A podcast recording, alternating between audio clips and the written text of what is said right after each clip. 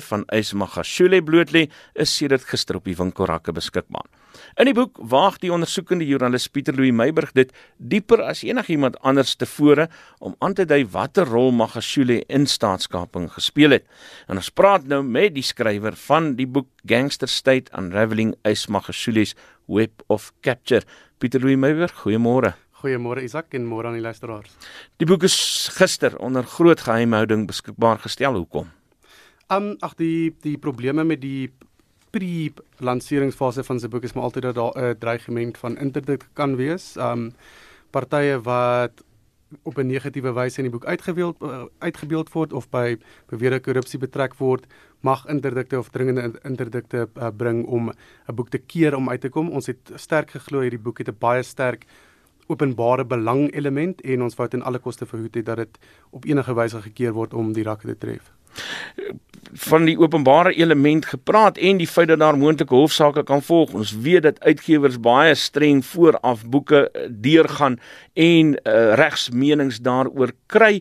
Uh, wat het julle oortuig dat hierdie boek uh, publiseerbaar is ten spyte van die dreigende uh, of moontlike dreigende hofsaake wat kan volg. Ja. So ag die die journalistieke praktyke um, wat in hierdie boek toegepas is, verskil geensins van my vorige werk op Prasa, Transnet, die Staatsveiligheidsagentskap nie wat alles dokumentgebaseerde, brongebaseerde inligting bymekaar bring om um net die storie van van korrupsie uh, op die tafel te plaas en in hierdie geval soos jy uitgewys het, die nodige dokumente en die uh, betrokke bron in, inligting is alles deur die land se beste media prokureurs uh, gewet uh, deurgegaan en die groen lig gegee so um in kort ontstaan baie sterk of ek staan baie sterk by die storie en die wyse hoe dit uitgepak is.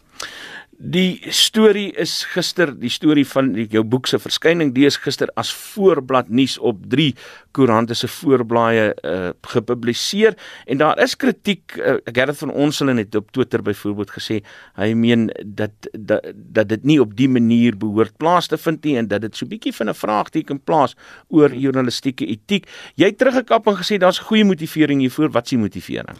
Daar is 'n lang lys motiverings daarvoor Isak. Um Die Sunday Times het 'n ewe rigiede proses deurgegaan om seker te maak dat al die feite gecheck word. Ek bedoel ons ken die, die geskiedenis by daardie spesifieke um, publikasie met die Rougene um, beriggewing ensovoorts en ek is heel gelukkig om in 'n baie indiepte gesprek in te uh, in te gaan oor hierdie meta journalistieke besware wat uh, van ons hulle het. Ek gaan in hierdie stadium volhou om die die kernelemente van die boek te bespreek wat die wydverspreide en kommerwekkende korrupsie en plundering van uh, belastingbetalers se geld is. Die boek beweer dat Magashule aan die hoof van 'n staatskapingsnetwerk gestaan het. Verduidelik vir ons hoe dit werk.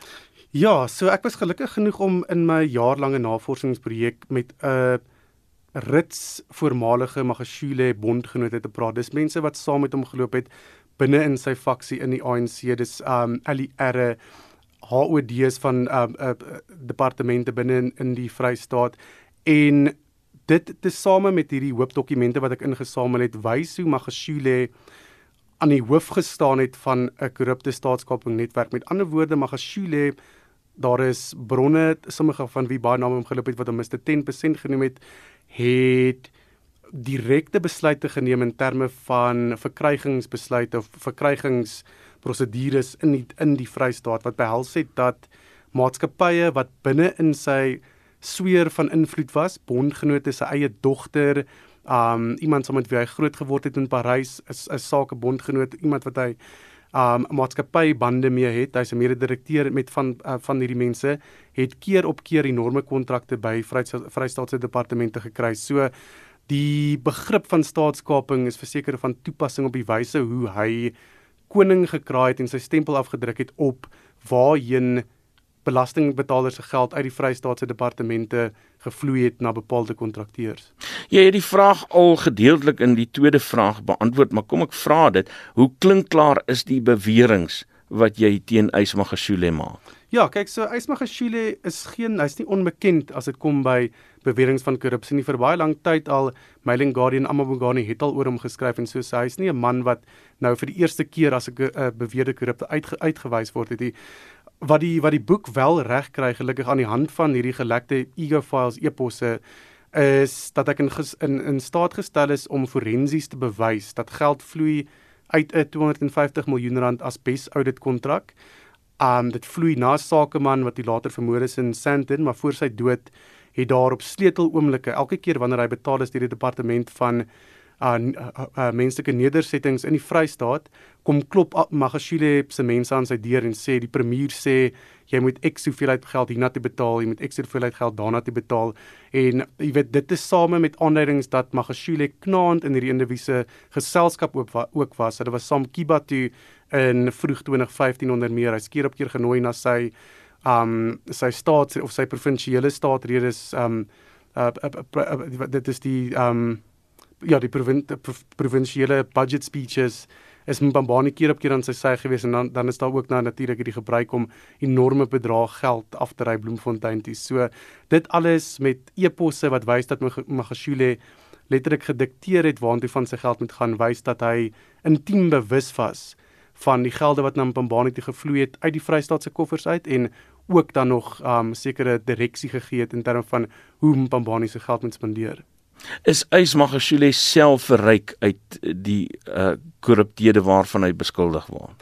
Like dis interessant. So mense kyk na 'n individu soos Magashule na sy bates, mense doen gewoonlik deeds office searches, kyk hoeveel eiendom hy besit, motors en so en in kort hy is nie regtig 'n skatryk man um as mens sy bates bekyk nie, maar soos wat ek in die boek ook verwys, dis 'n kontant gedrewe 'n korrupte um projek. Met ander woorde, se Magashule kry sy omkoopgeld in groot bedrag kontant en dit word dan maar ook net so vinnig gespandeer amper soos wat dit inkom. Want ons moet onthou persoonlike verryking is nie die enigste oogpunt gewees van Magashule se staatskapings uh, projekte of neigings nie. Dit was ook om aan die bewind te wees en ek skryf dan juis hoe daar geld gebruik is uit kontrakte uit ook om vir provinsiale kongresse, leierskapskongresse, streekskongresse seker te maak dat mense betaal is om vir Magashule se faksie of dan vir homself as voorsitter van die ANC te stem is die behoud van mag en die verkryging van mag dis die groot tema agter staatskaping in sy geheel. Ja, nee, verseker ek dit die twee gaan hand aan hand.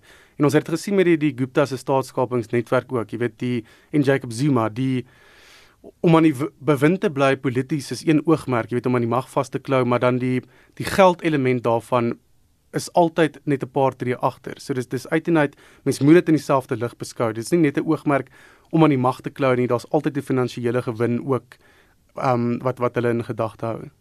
Maar as 'n mens daardie spoor van korrupsie volg en ons het sien dit in by by heel wat karakters wat by staatskaping en ander korrupsie betrek word, is dat daar nie so 'n groot persoonlike verryking is soos wat jy dit nou genoem het nie. Dan nou behalwe die of dan nou net die verkryging van mag, wat is die groot voordeel daarvan waarna mense dan streef? Hoe klop die som dan? Ja kyk, ek ek dink in die geval van Ysmagashule en dan ook sy voormalige baas Jacob Zuma is 'n baie groot motivering om uit die moeilikheid uit te bly. So hoe langer hierdie ouens aan die mag geklou het, Ysmagashule as premier van die Vrystaat en ook nou 'n baie magtige posisie binne die party self, hoe langer Jacob Zuma aan die bewind gebly het van die land, hoe langer het daardie tweede mag uitgeoefen ook binne in die polisie en vervolgings um jy weet opset in Suid-Afrika om seker te maak dat hierdie uh, langstaande indications van korrupsie nooit gelei het tot daadwerklike optrede binne die wetstoepassingsowerhede um in in Suid-Afrika nie. So ek dink dit is 'n baie belangrike doelwit en ek dink dit is ook hoekom Magashule ten alle koste nie dieselfde paadjie wil loop as iemand se Supramamapelo wat nou 'n klein bietjie in die wil, politieke wildernis ingedruk is in die sogenaamde New Dawn fase van pre, pre, uh, president Cyril Ramaphosa nie. Sodra jy jou kloue of jou greep op mag verslap, het jy ook 'n mindere kans om seker te maak dat jy daai invloed binne in die polisie, in die valke, dalk in die NVG kan uitoefen om seker te maak dat jy nie vir hierdie goed wat in die boek uitgepak word in die hof beland nie. Hmm. Pieter Louis, die netwerk wat jy beskryf, dit betrek baie amptenare in die ANC. Eintlik is dit oorweldigend vir die gewone leser. Uh as 'n mens nou dink selfs aan Jacques Pau se boek The President's Keepers, wat is die betekenis van hierdie onthullings? Ek dink die betekenis in kort is dat die ANC regering en jy weet die die strukture wat hy beheer het ontaard in 'n kriminele netwerk. Ek dink dit is die die jammerlike besef en dis nie ek is nie die enigste ene wat daardie tot daardie gevolgtrekking kom nie. Maar die ANC tot 'n groot mate toe minstens sover sekere individue en kampe uh, uh, aangaan, Magashule, Zuma en so, het die ANC begin gebruik as 'n kriminele syndikaat. Hulle het lankal opgegee met die idee om dienslewering deur middel van hulle magsposisies te verseker en um intedeel eerder begin om op 'n korrupte volhoude manier um kriminele praktyke toe te pas om hulle en hulle bondgenote te verryk. En dis 'n baie kommerwekkende um gevolgtrekking want Suid-Afrika is nog so ver agter in terme van dienslewering um en development op alle vlakke en ons het baie um jy weet ons het baie om in te haal om reg te stel wat in die verlede verkeerd geloop het in die land. So wanneer jy 'n regering het wat nie meer daardie doelwitte nastreef nie, raak dit 'n baie moeilike situasie om daardie teikens te haal en dit voer natuurlik ook in in hierdie baie plofbare politieke situasie in die land waar verskillende rassegroepe, verskillende klasgroepe mekaar beskuldig en die politieke temperatuur so dikwels opjaag. Die feit dat jou boek nou eers gister bekend gestel is, het nou nog nie vir ons kans gegee om regtig hierdie boek te lees nie, maar as 'n mens kyk na dit, die uittreksels daarvan, dis goed wat vir die Sonderkommissie hoor dan nie. Ja, kyk so die Sonderkommissie, ek dink baie mense het miskien verkeerdelik aanvanklik gedink die Sonderkommissie is 'n tipe van 'n Gupta kommissie. Ons aan in die begin het ons beslis baie oor die Guptas gehoor en toe sprei dit bietjie uit en ons skryf Bosasa en daai tipe dinge. Um maar die Sonderkommissie wil verseker nog steeds verder krap en dieper delf in die Gupta syndikaat en so net vinnig die voormalige Bloemfontein um burgemeester Tabo Manjoni vertel in die boek vir my of ek pak sy storie uit in die boek oor hoe hy deur Magashule na die Gupta se huis in Saxonwold gesleep is in 2013. Die plan was dat Magashule sy posisie sou ontruim as premier van die Vrystaat om in Jacob Zuma se nasionale kabinet opgeneem te word as minister van kommunikasie, dan sou Tabu Tabu Manjoni in sy plek um oorneem as Bloemfontein of Mangaung Metro se burgemeester en die Guptas wou maar basies eintlik gehoor het hulle het hom gewet as ek dit kan sê, um om uit te vind of hy reg is of hy die man is wat hulle kan vertrou om seker te maak dat die Mangaung Metro se kontrakte na hulle kant toe vloei. En daar is dan ook sprake van kontant wat oorhandig is aan hulle by die Saxon World Compound deur Atul Gupta. En hierdie is die tipe aanduidings beslis of die tipe inligting wat verder verken moet word by die Sonderkommissie deur mense wat wat hierby betrek is. Pieter Louw die ANC het 'n lang verklaring het eh, in 'n lang verklaring uh in reaksie op die boek het hulle uh, en die media berigte wat daarop gevolg het gesê dit is drognuus en uh hulle gaan nie op die aantuigings reageer nie maar tog is daar een ding in die boek wat hulle wel verwerp en dis dat Magashule se sogenaamde struggle credentials in twyfel getrek trek word. Waaroor gaan dit en wat is jou reaksie op die ANC se reaksie? Ja my reaksie op die ANC se reaksie is een van teleurstelling. Uh die ANC het um baie daadwerklik verswak in hulle kommunikasie met die publiek oor die laaste paar jare. Die kommunikasiestuk wat ons gister gesien het is vrot Dit is 'n aanval op die persoon, is 'n ad hominem aanval op my as 'n joernalis. Ek is 'n beweerde Stratcom agent wat hulle aanval sonder enige bewyse daarvoor. En dan baie belangrik, gaan hulle nie in enige van die detail van die boeke nie. In enige van die details, Igom Bambani se kontantvloei na Magashule toe, die Guptas, dit is onaangeraak in die statement. Met ander woorde, hulle wil nie met daardie kwessies worstel nie. Hulle wil die man speel eerder as die bal. Dit is baie kommerwekkend. Um ek dink tweedens um die die ANC het onlangs het ons gewys dat en veral in Jacob Zuma se termyn het ons gesien hoe die um outomatiese reaksie het altyd geword, jy weet as daar konkrete bewyse van korrupsie op die tafel gebring is. Van in Kandla deur na die Guptas toe is die ANC se reaksie dat hierdie aanval op die party is, dis politiek gemotiveerd. Die skrywers daarvan het een of ander duistere agenda, maar en en dit dit, sluit dan sluit dan eintlik seker maar aan by die teleurstelling is dat in Ramaphosa se so, sogenaamde new dawn fase sou mens dink die ANC minstens in sy internalisering of prosesering van slegte nuus oor hom sou beter gekommunikeer het met die publiek maar dit lyk my dit dit gaan intedeel slegter mm. nou. Ek wil nou vir jou vra oor daai new dawn net so vinnig wil jy raai wie daai uh, media verklaring van die ANC opgestel. Wie dit geskryf het en Ja. uitgereik het. Wie wie wie, wie dink jy het dit Ek dink geskryf? die ou op die voorblad van my boek het moontlik 'n groot sê dan gehad. Ehm um, kom ek vra gou vir jou die volgende want dit is belangrik uh, as 'n mens nou kyk na Ysmagashule se posisie in die ANC. Richard Poplak skryf op Daily Maverick dat die verkiesing nie veel beteken nie, maar dat die groot oorlog op 9 Mei gaan begin en dan sit hy uiteen watter belangrike rol Ysmagashule speel en kan speel in die toekoms. Hoe bang moet Suid-Afrikaners wees vir 'n toekoms saam met Ysmagashule?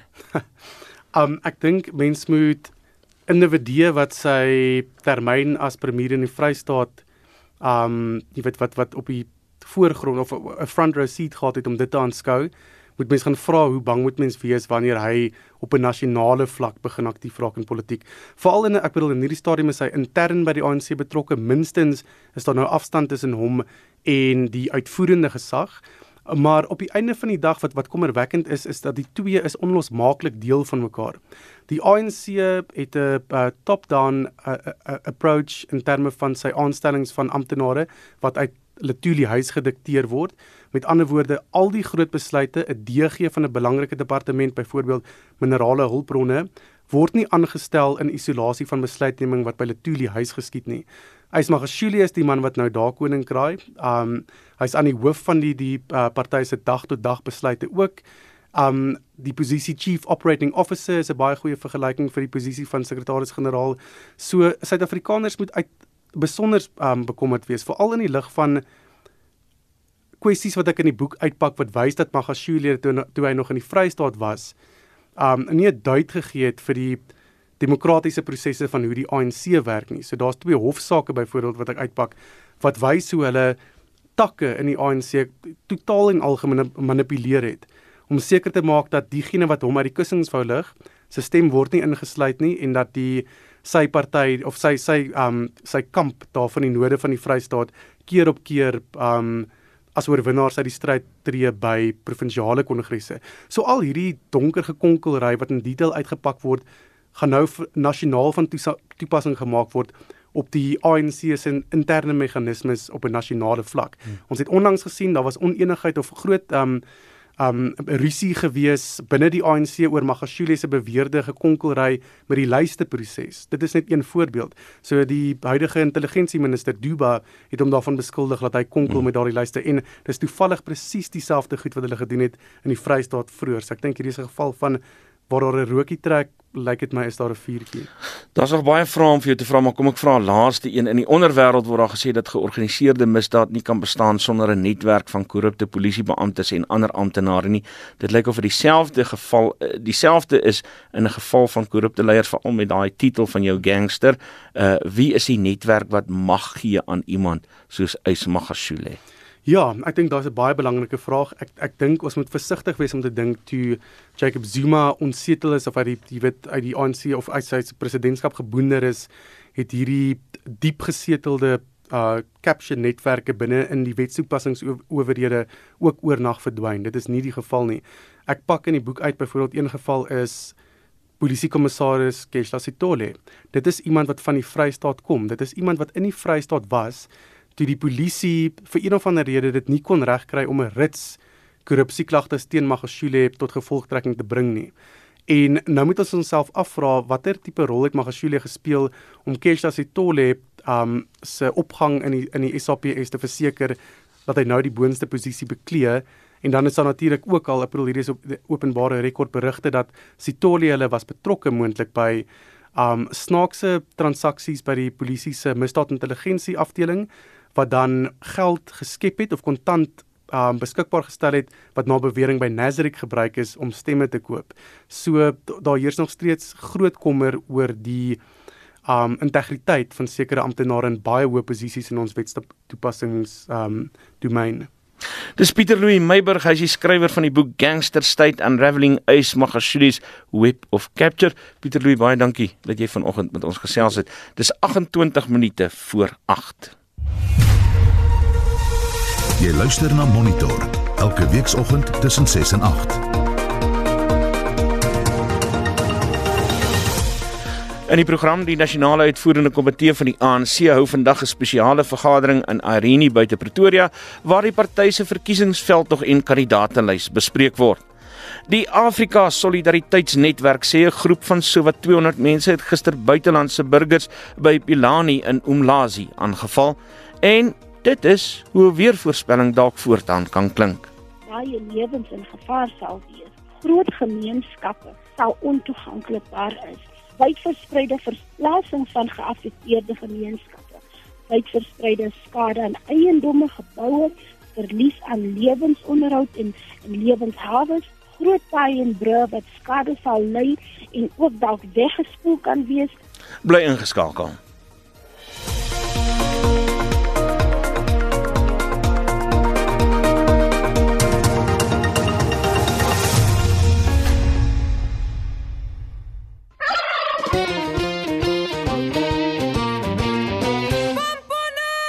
Musiekgeneriek 40